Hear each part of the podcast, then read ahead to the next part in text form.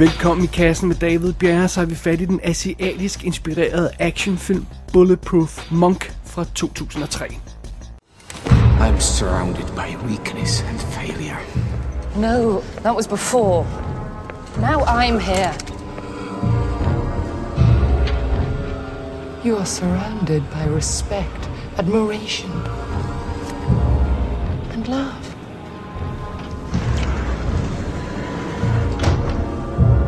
Find the scroll. It's only a matter of time.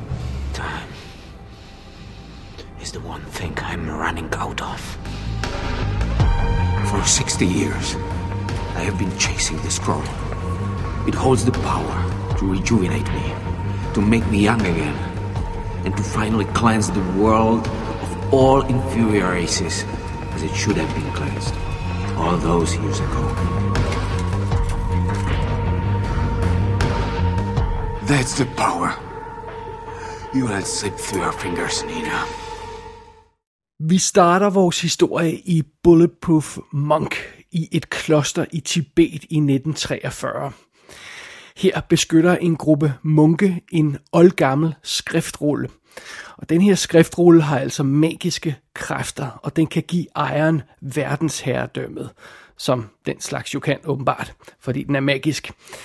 Øh, det er ligesom om, øh, at de her munke, de er alle sammen med til at beskytte skriftrullen, men der er en, der ligesom har hovedansvaret for, øh, for at beskytte opgaven her, og denne munk ældes ikke.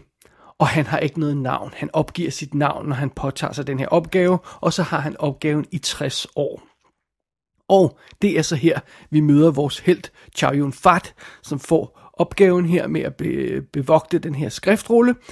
Og vi kalder ham Chow øh, nu i den her omtale, fordi at øh, det hedder skuespilleren, men øh, munken har jo ikke noget navn, så vi kan ikke kalde ham noget, og det er lidt idiotisk og irriterende. Så han hedder Chow nu. Fint nok. Og netop som, som Chow har fået den, fået den her opgave, så bliver klosteret angrebet af nazisoldater. Som nævnt var vi i 1943. Og de bliver anført, ført de her soldater af den modbydelige Strucker, og Chow han når heldigvis lige akkurat at stikke af med den her rulle, inden den falder i hænderne på nazisterne. Det er jo en god ting. De skal jo helst ikke have verdensherredømmet. det, det giver god mening. Anyway, så springer historien 60 år frem i tiden til nutiden til 2003. Og her møder vi så lommetyven Kar, altså K-A-R.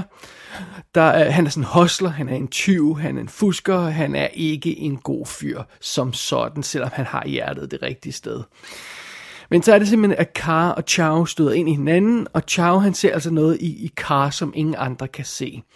Han overvejer, om det her måske er personen, der skal overtage opgaven med at beskytte den her skriftrulle de næste 60 år, fordi de, hans 60 år er jo ved at være overstået.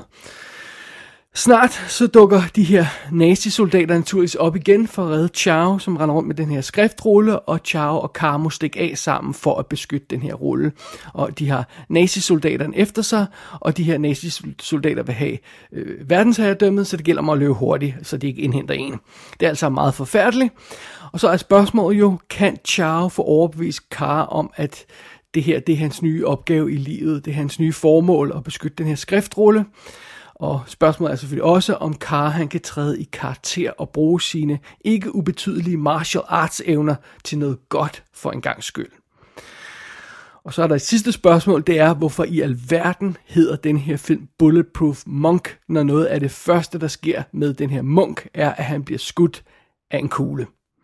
Well, det er jo sådan er det. Ja, åbenbart. Det må vi leve med.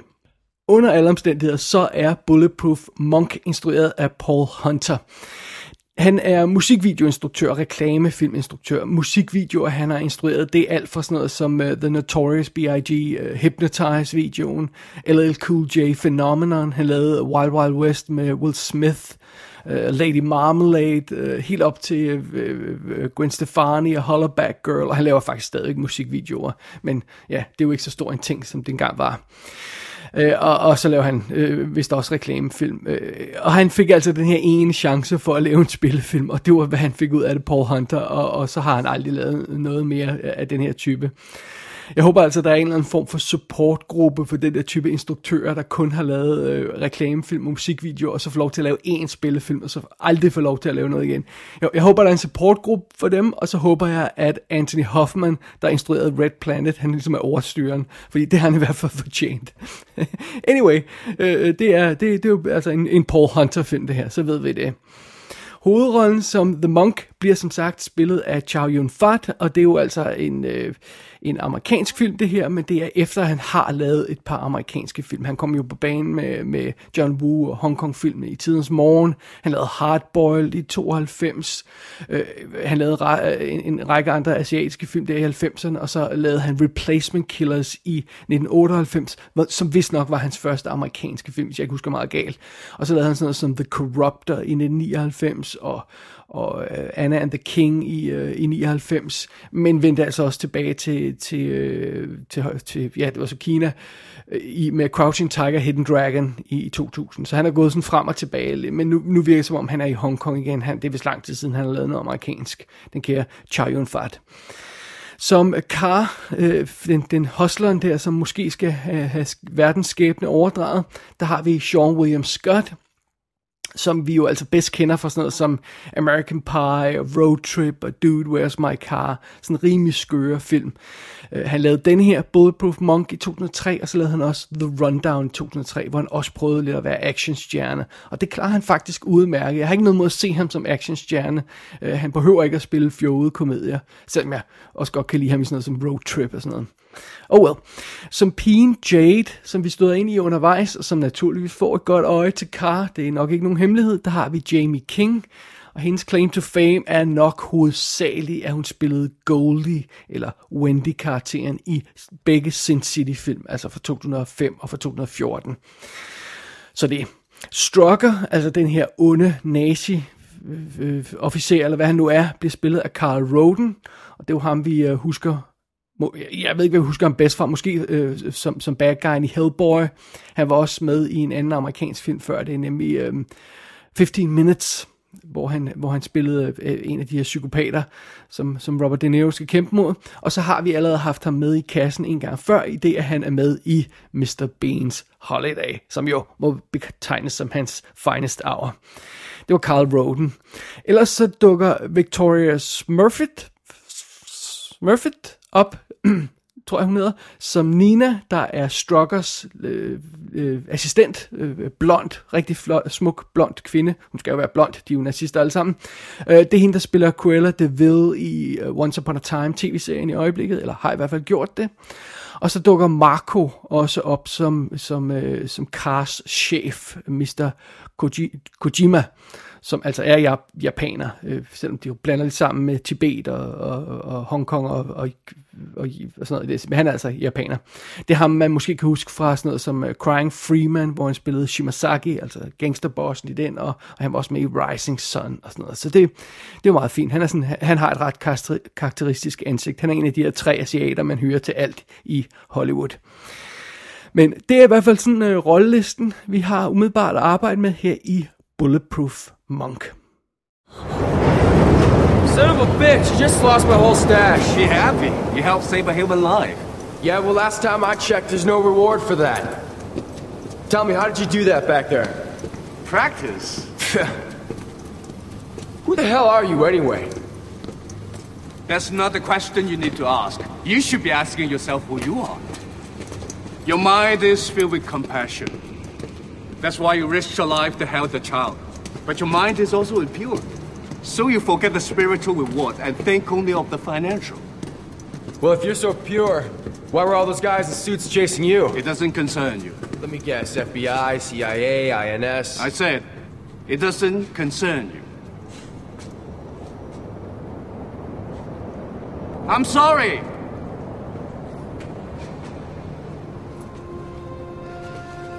Every man's life concerns every other man. Hvad jeg kan forstå, så startede Bulletproof Monk sit liv som tegneserie tilbage i 1999. Og det er jo lidt ironisk, for det er jo sådan også cirka på det tidspunkt, hvor den der asiatiske bølge sådan startede inden for amerikansk film men det her var altså en tegneserie i 99.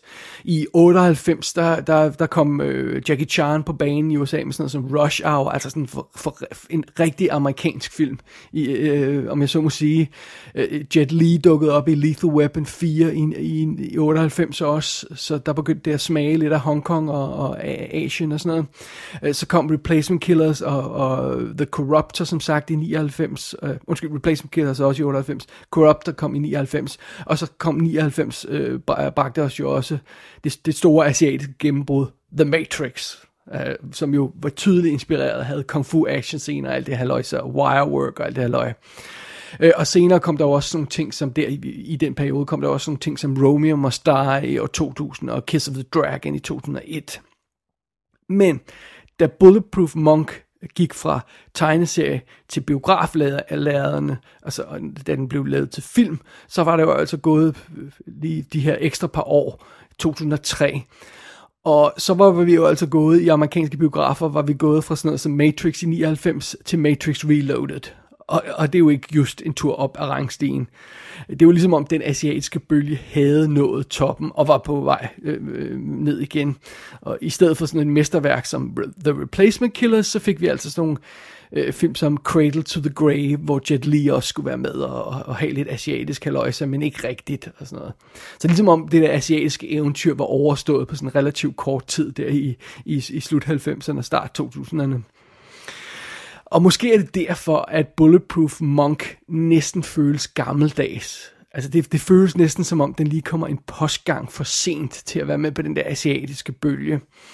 Og så hjælper filmens fokus heller ikke, fordi det der nonsens med munkeklosteret og snak om skriftruller og profetier og sådan noget, øh, snakken om at finde øh, en sand held øh, og sådan noget, altså det er det der fortune cookie bullshit af, af værste rang, og, og og, og det er jo også ligesom også, ja, filmen er enormt fascineret af Østens mystik og sådan noget, men hver gang der skal slås, og, og, og der skal gang i nogle af de her øh, nævekampe og sådan noget, og, og nærkampe og sådan noget, jamen, øh, så, så, øh, så, så går de i gang, og så begynder kameraet at tonse rundt, og der bliver klippet hurtigt, og der bliver smækket det her hårdt pumpet teknomusik på, og så er det ligesom om Østens mystik er forsvundet rimelig hurtigt fra scenen.